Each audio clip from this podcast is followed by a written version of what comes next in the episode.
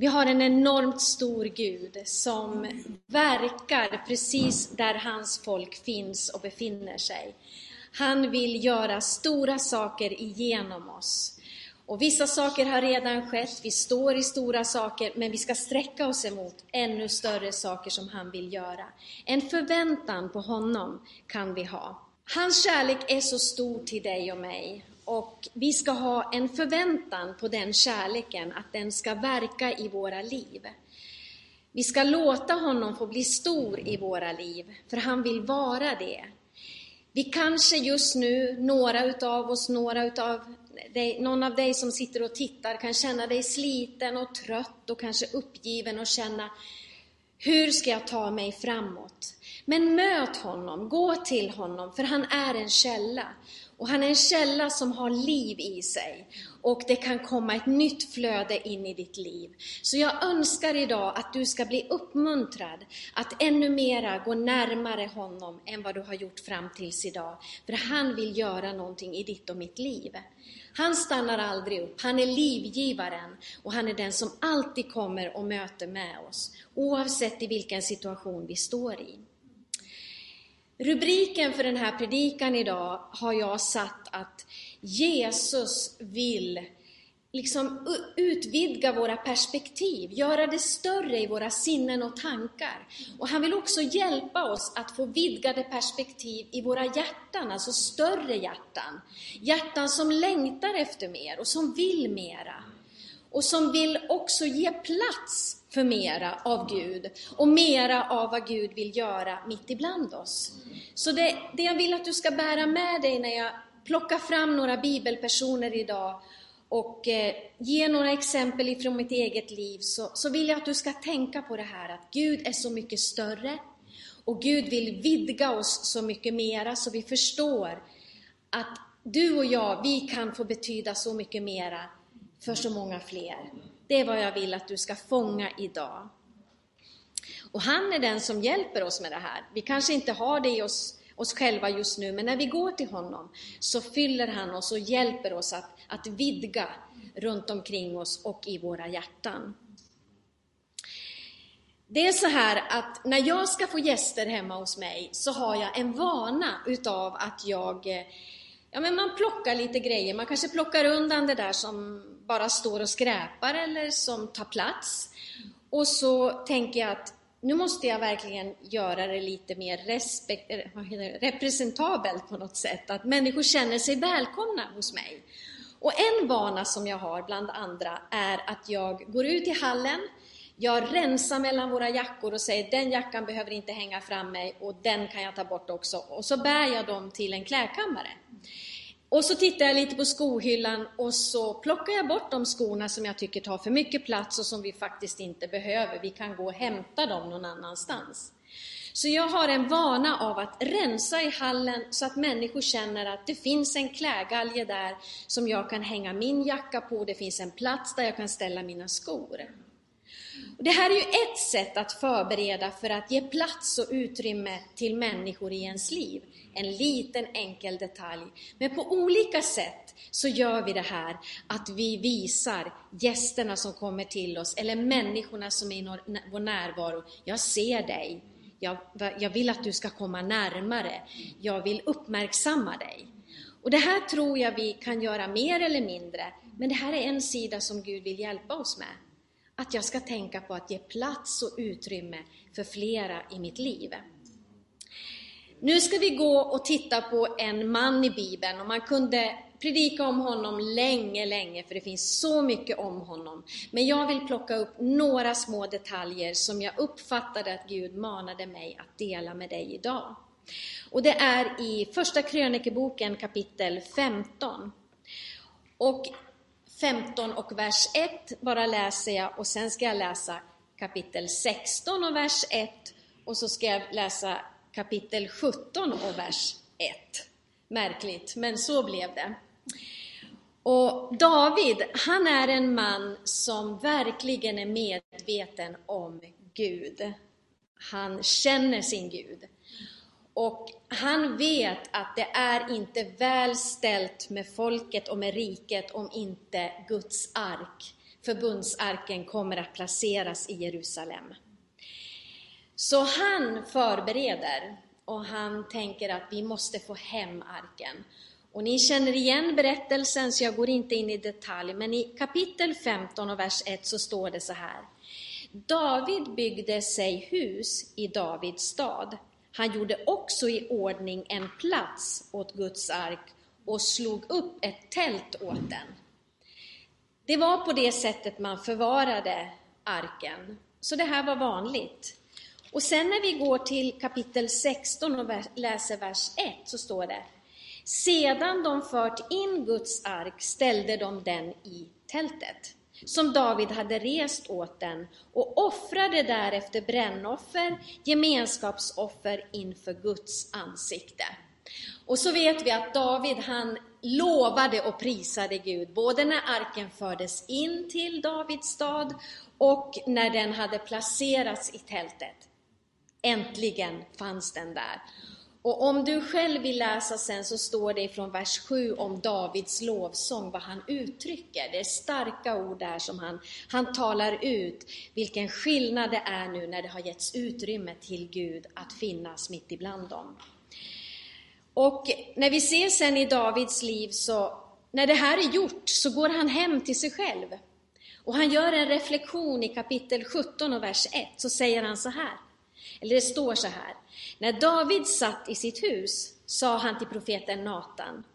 Här bor jag i ett hus av cederträ medan Herrens förbundsark står i ett tält. Han blir bekymrad. Det här är inte rätt. Gud ska ju ha bättre än vad jag har. Nu behöver jag bygga en plats där, där den ska finnas.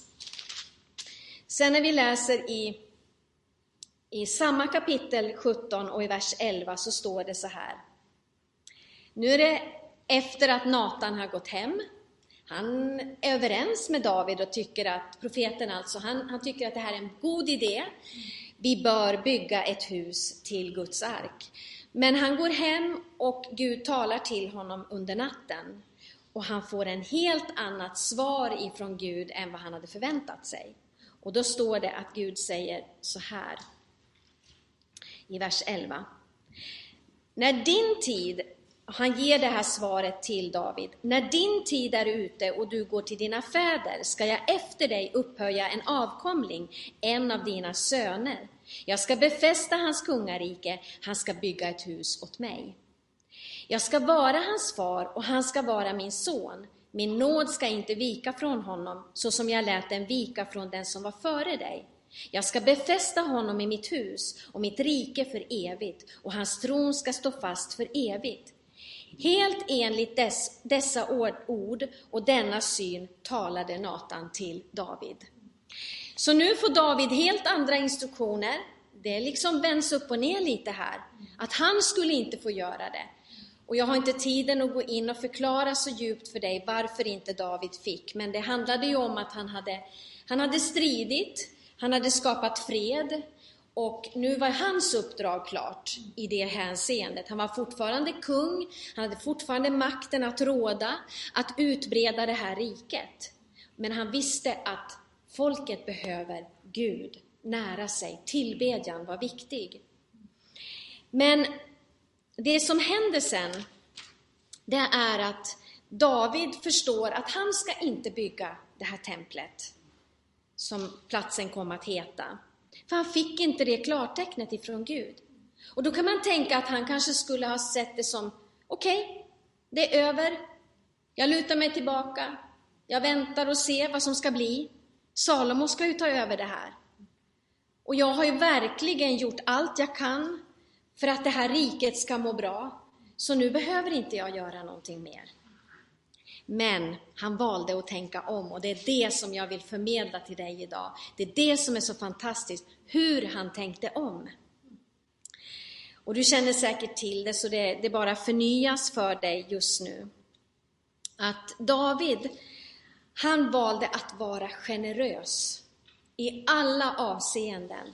Han blev inte sur för att han inte fick göra det här magnifika och stora, utan han valde att vara generös. På det sättet så, var, så blev han en kung som valde att investera i nästa generation.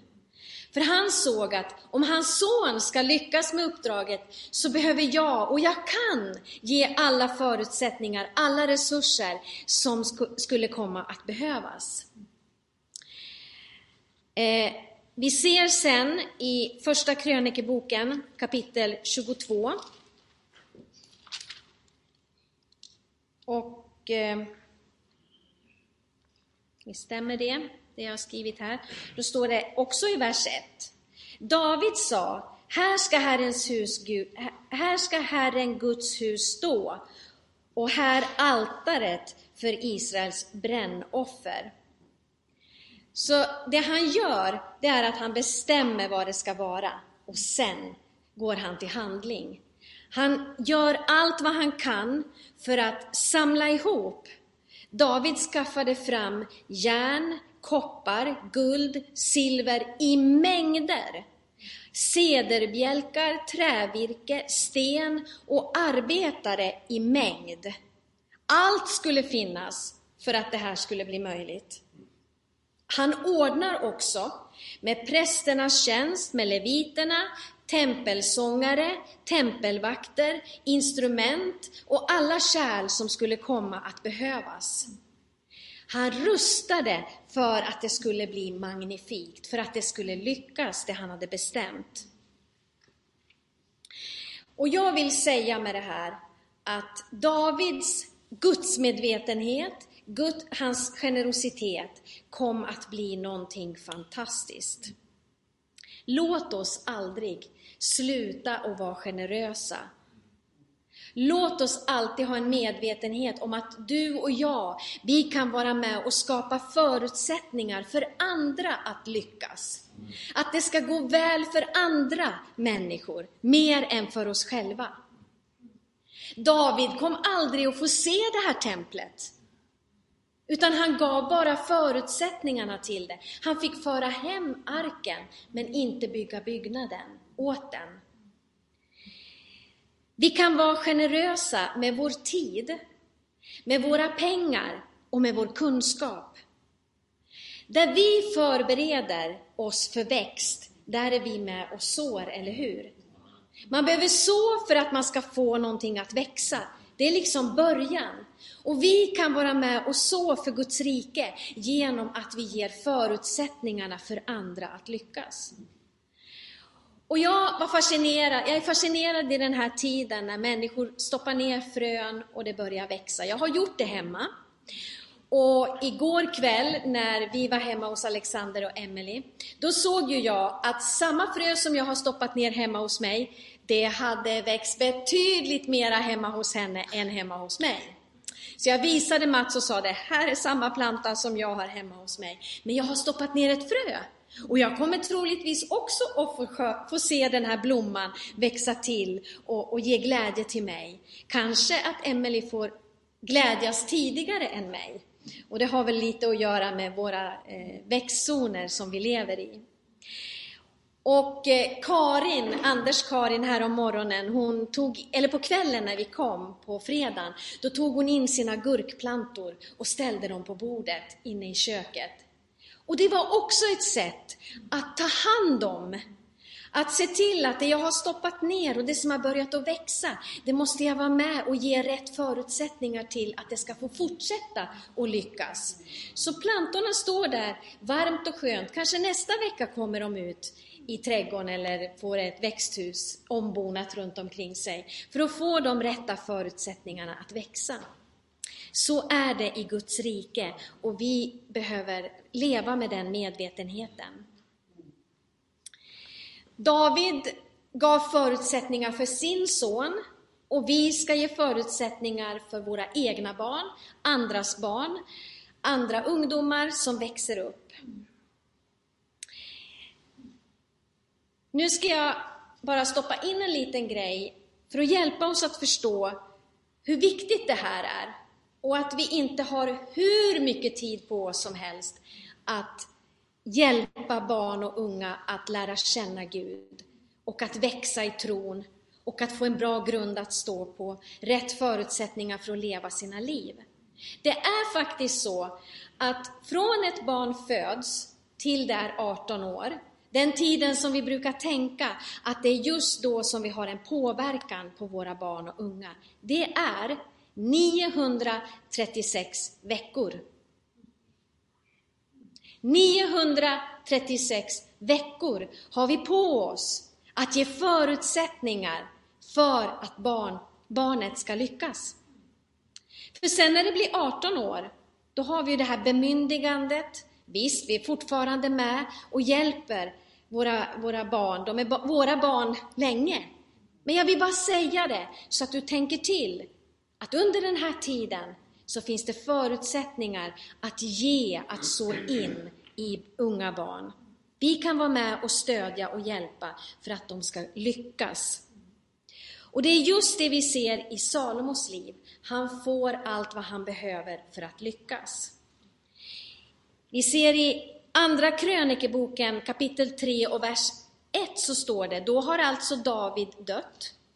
Han har gått hem till Herren och det står Salomo började bygga Herrens hus i Jerusalem på Moria berg, där Herren hade uppenbarat sig för sin far David, på den plats som David hade ställt i ordning.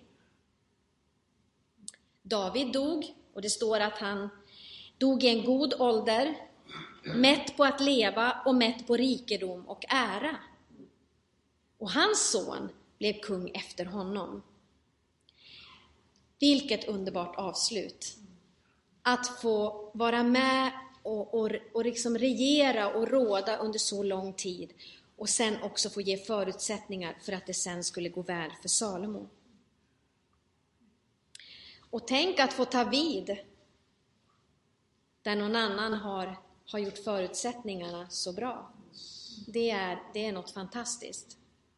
Vi brukar ha någonting hemma där vi säger att vårt, alltså vår framgång ligger i vad som kommer att bli för nästa generation.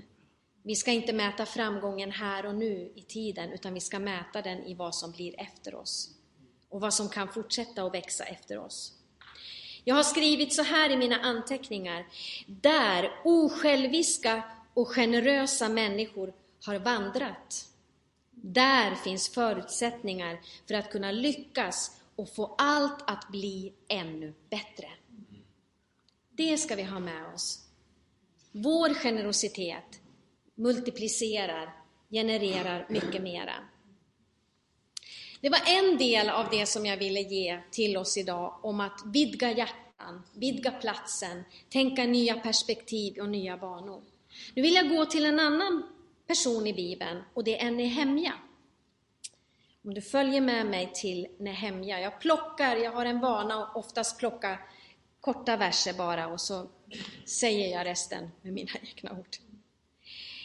Vi känner till Nehemja. Han befann sig inte i Jerusalem utan han var i exil och eh, trodde att det var väl ställt i Jerusalem, eller bättre ställt än vad han trodde. Och han kommer att möta sina bröder och några män tillsammans med dem. Och så står det i kapitel 1 och vers 3 att de här männen, när han frågar dem om hur det står till i, i Jerusalem, så svarar och så sa de så här till mig, säger Nehemja i vers 3. De som är kvar efter fångenskapen befinner sig i provinsen och lider stor nöd och vanära. Och Jerusalems mur är nedriven och portarna är nerbrända. Och så fortsätter det. När jag hörde det, det, det satte jag mig ner och grät. Jag sörjde i flera dagar och fastade och bad inför himlens Gud. Jag sa, O Herre, himlens Gud, du store och fruktansvärde Gud, som håller fast vid förbundet och ger nåd åt den som älskar dig och håller dina bud. Nehemja får höra någonting som han inte hade räknat med. Det var inte så han trodde att det var i Jerusalem, men nu blir han varse om att det är på ett annat sätt. Han sörjer och han börjar be. Och sen vi som känner till Nehemja vet att det kommer att bli en rörelse i det här. Nehemja inte bara ber och fastar, utan han kommer också att bli del av bönesvaret. Ofta så ber vi och fastar, för vi har mycket som vi bär på, mycket nöd som vi ser runt omkring oss. Men vi ska också vara öppna för att bli en del utav bönesvaret. Nehemja han förstår här att det här är inte bra för de som bor där. Att det inte finns någon mur, att det inte finns något beskydd för det samhälle som skulle växa där. Att det inte fanns något skydd för det, den eh, tillbedjansplatsen som man hade upprättat. Och han, han tänker att det här är illa. Det här kommer inte att vara länge till innan allting liksom tappar, tappar möjlighet att växa. Och därför så förstår han att vi behöver handla, vi behöver göra någonting. Men han hade ju ett arbete på en annan plats. Han var ju inte där satt att göra det här. Han hade inget mandat egentligen. Men kungen upptäcker att Nehemja är bedrövad och de för ett samtal där Nehemja ger sin önskan till kungen. Kan jag få återvända? Kan jag för en tid få möjligheten att åka dit och iordningställa den här muren? Vi, du och jag, vi lever i ett samhälle. Ett samhälle som, där vi har en vuxenvärld som inte står upp för de unga och, och barn idag och också för människor som är utsatta, människor som är äldre. Det finns inget riktigt bra skydd ibland. Vi, vi tycker att Sverige är bra, men ändå så, så är det inte så bra som det borde vara. Det finns människor som inte får den hjälpen och det stödet de behöver. Så det är det här som, som Nehemja ser, att det här samhället behöver få ett skydd. Någon behöver åka dit och hjälpa till så att det blir bättre att leva och vara i Jerusalem. Han kommer att åka dit och han blir en del utav bönesvaret för den nöd som fanns i landet. Och det är det jag vill säga till dig och mig idag, till mig själv. Vi behöver inte bara be för Sverige, inte bara be för Uddevalla, utan vi behöver också bli del av bönesvaret. Fråga Gud, vad kan jag göra? Vad ger du mig för möjligheter? Vad är det jag kan, kan tillföra? Var kan jag vara en del i muren? Var kan jag vara del i beskyddet? Hur ska jag öppna och vidga platsen där jag befinner mig? På arbetsplatsen, i grannskapet, i, i var du än är. Vad kan du göra? Jag ser flera utav er i den här församlingen och det berör mig, det fascinerar mig hur ni har öppnat era hjärtan till människor med olika förutsättningar. Ni har öppnat ända in i era hem. Och det behagar Gud. Han är glad över att det finns människor som till och med vill låta det komma ända in i hemmet. Det är att ha ett öppet hjärta och att visa, här kommer jag att skydda dig. Här kommer jag att hjälpa dig så att du får de förutsättningar du behöver för att växa och mogna. Med Nehemja så sker någonting fantastiskt. Efter 52 dagar så står det att muren är klar. Och då står det också att när alla våra fiender hörde detta och alla folk runt omkring oss såg det, sjönk de djupt i sina egna ögon. De förstod att detta arbete var vår Guds verk. Och det är vår Gud, han är så stor, så när vi öppnar och ger förutsättningarna, kommer i rörelse, då kommer han med miraklet som också behöver ske. En övernaturlig dimension. För där ett hjärta öppnar sig med Guds kärlek som är generös, utgivande, som inte förväntar sig att få tillbaka, utan som bara förväntar sig att få så in i någonting som ska få växa, då sker mirakler. Alla förstod att ett mirakel hade skett. Vi vill mobilisera, vi vill bygga Guds rike här där vi är satta och han vill hjälpa oss. Han kommer att låta det ske i ett snabbare tempo än vad vi anar. Så är det.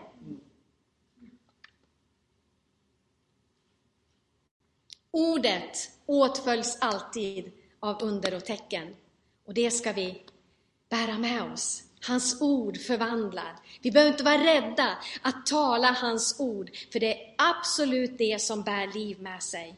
Vi kan försöka, men när ordet kommer ut, då sker det ett mirakel. Jag ska dela någonting med dig. För några månader sedan, det var runt omkring jul, vi hade precis satt upp julstjärnorna i kyrkan i fönstret.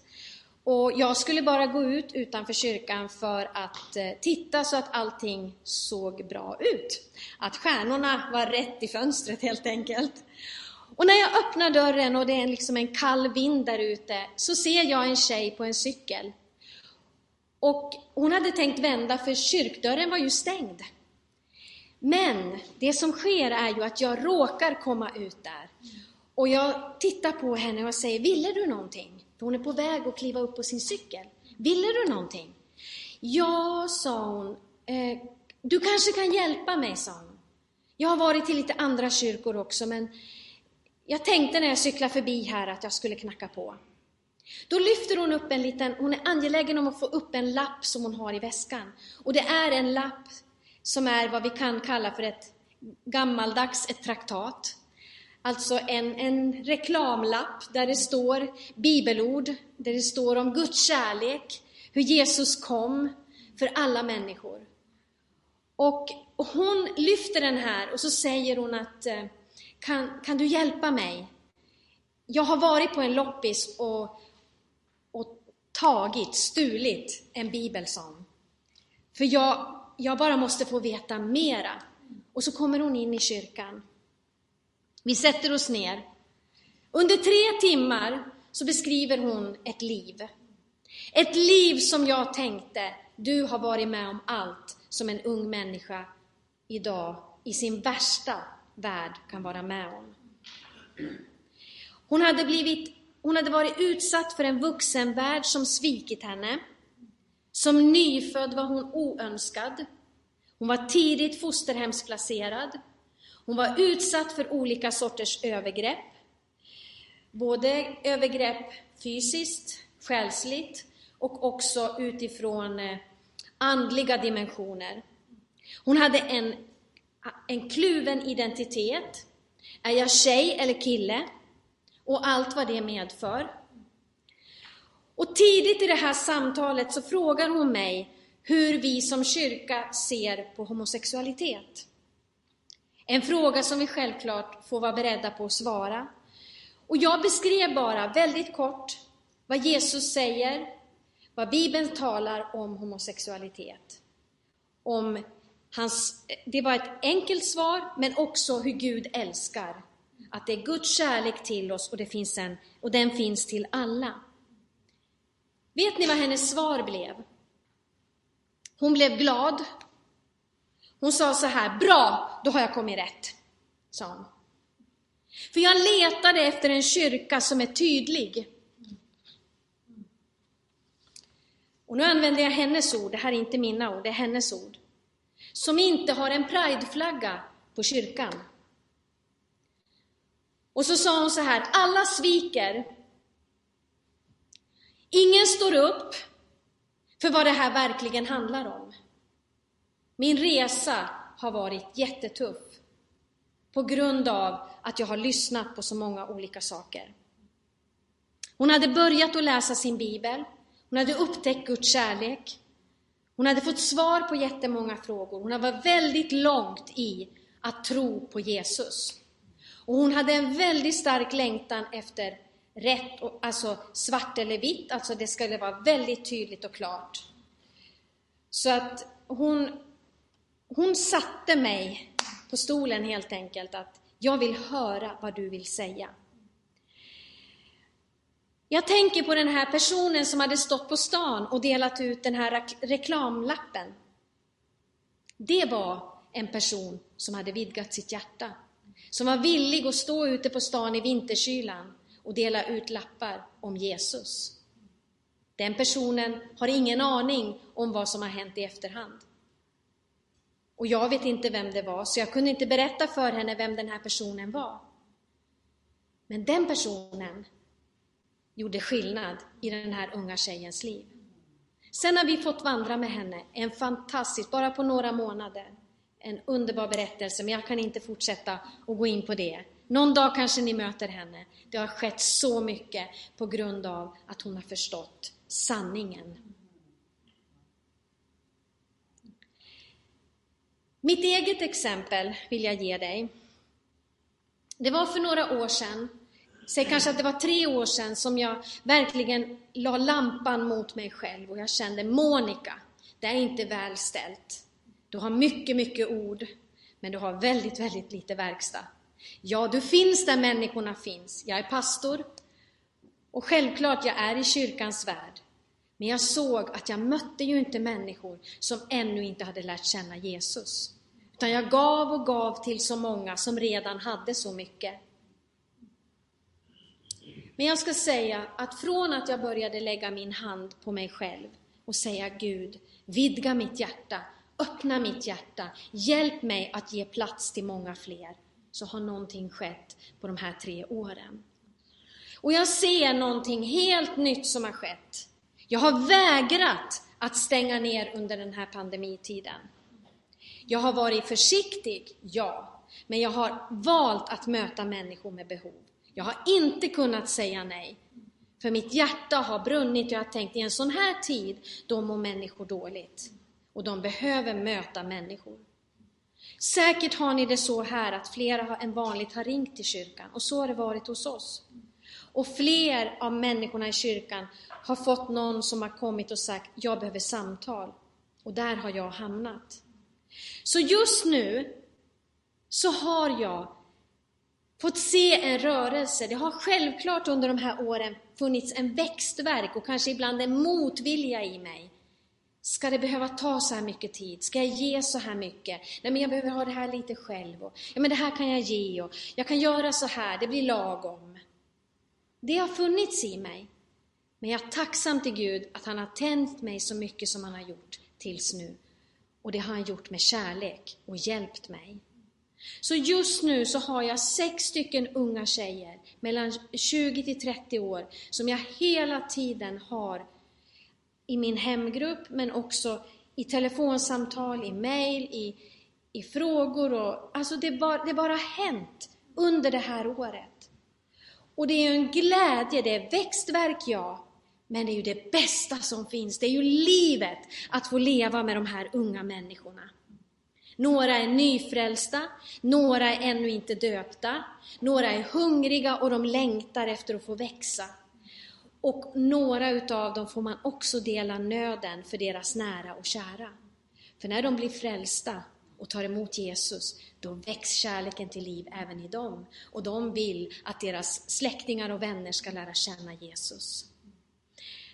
Det här har varit fantastiskt och jag kan inte säga hur det gick till. En bön som Nehemja. Nehemja bad och fastade. Ja, det har jag fått göra. Och så har han visat och anförtrott mig. Och det är samma sak för dig, för dig också. Att när vi ber så vidgar han våra hjärtan och så för han till oss flera som vi får ta hand om. Jag har många gånger tänkt att jag bor i kyrkans värld och jag når inte människorna där ute.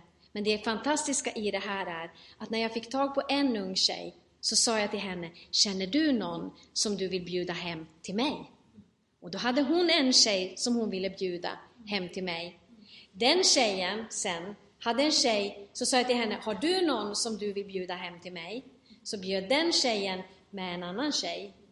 Och så nu i söndags så sa jag till den tredje tjejen, vill du bjuda hem någon till mig? Så sa hon, ja, Hanna på mitt jobb, henne ska jag ta med. Och det kommer att ske nästa söndag när jag kommer hem, för jag har gruppen på söndagkvällar. Alltså vi, om vi, bara vi öppnar oss och tänker, jag har ett hem, jag har en plats, jag kan plocka fram fika och jag kan be någon bjuda med någon annan som känner någon där ute. Ett enkelt sätt att göra det på. Jag håller på att gå ner för landning. Jag vet inte hur länge ni brukar predika här.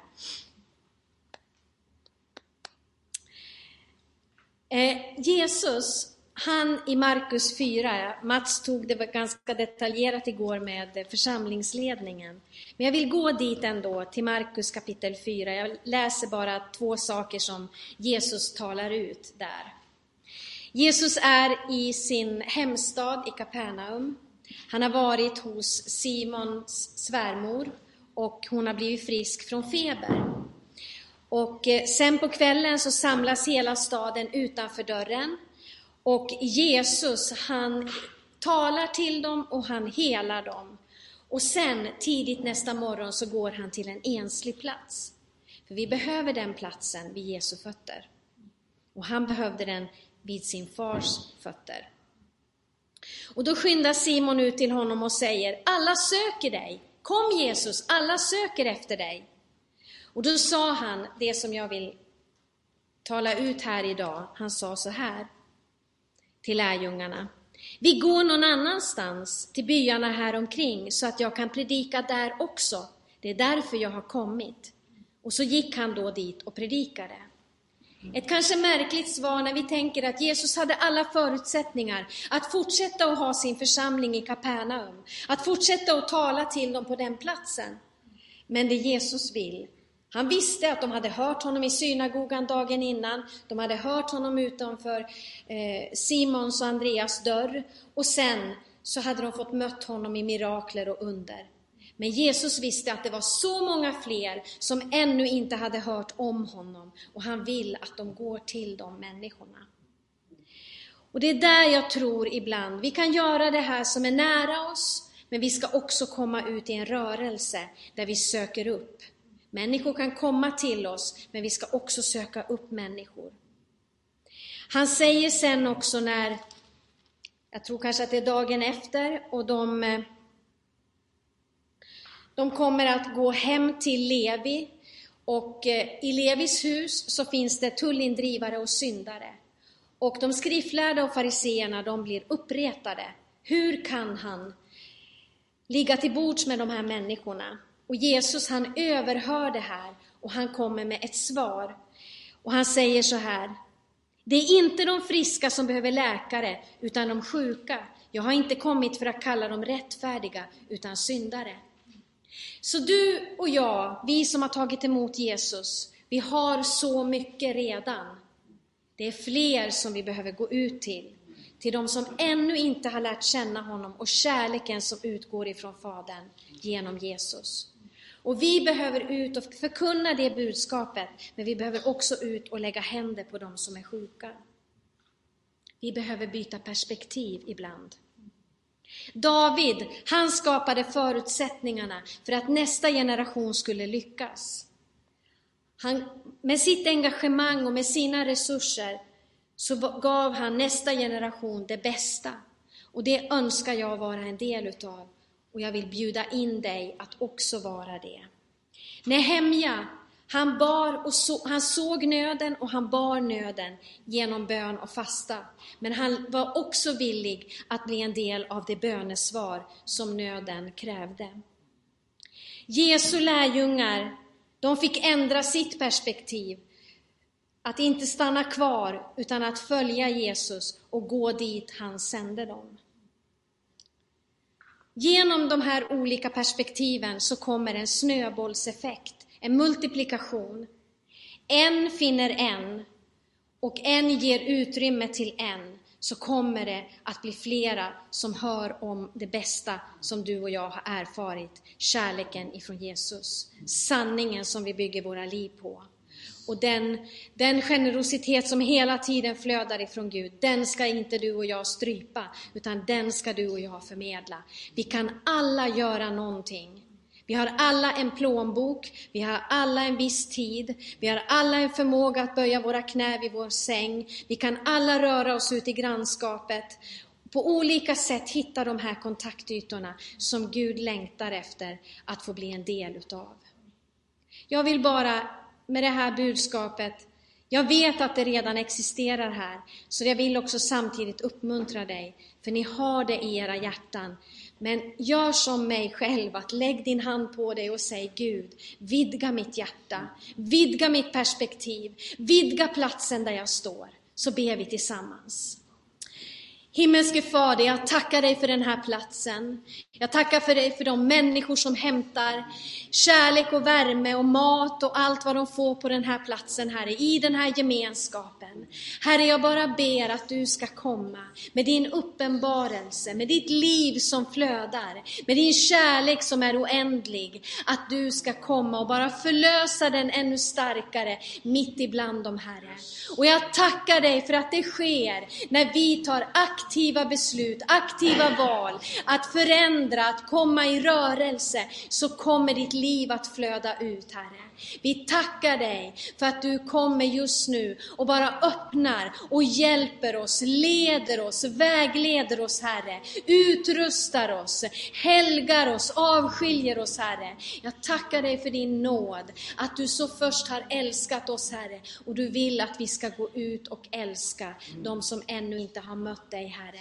Vi vill vara skyddet, vi vill vara de som ger förmåga och kapacitet och ger utrymme, Herre. Jag ber Fader för alla de familjer som har öppnat sina hem.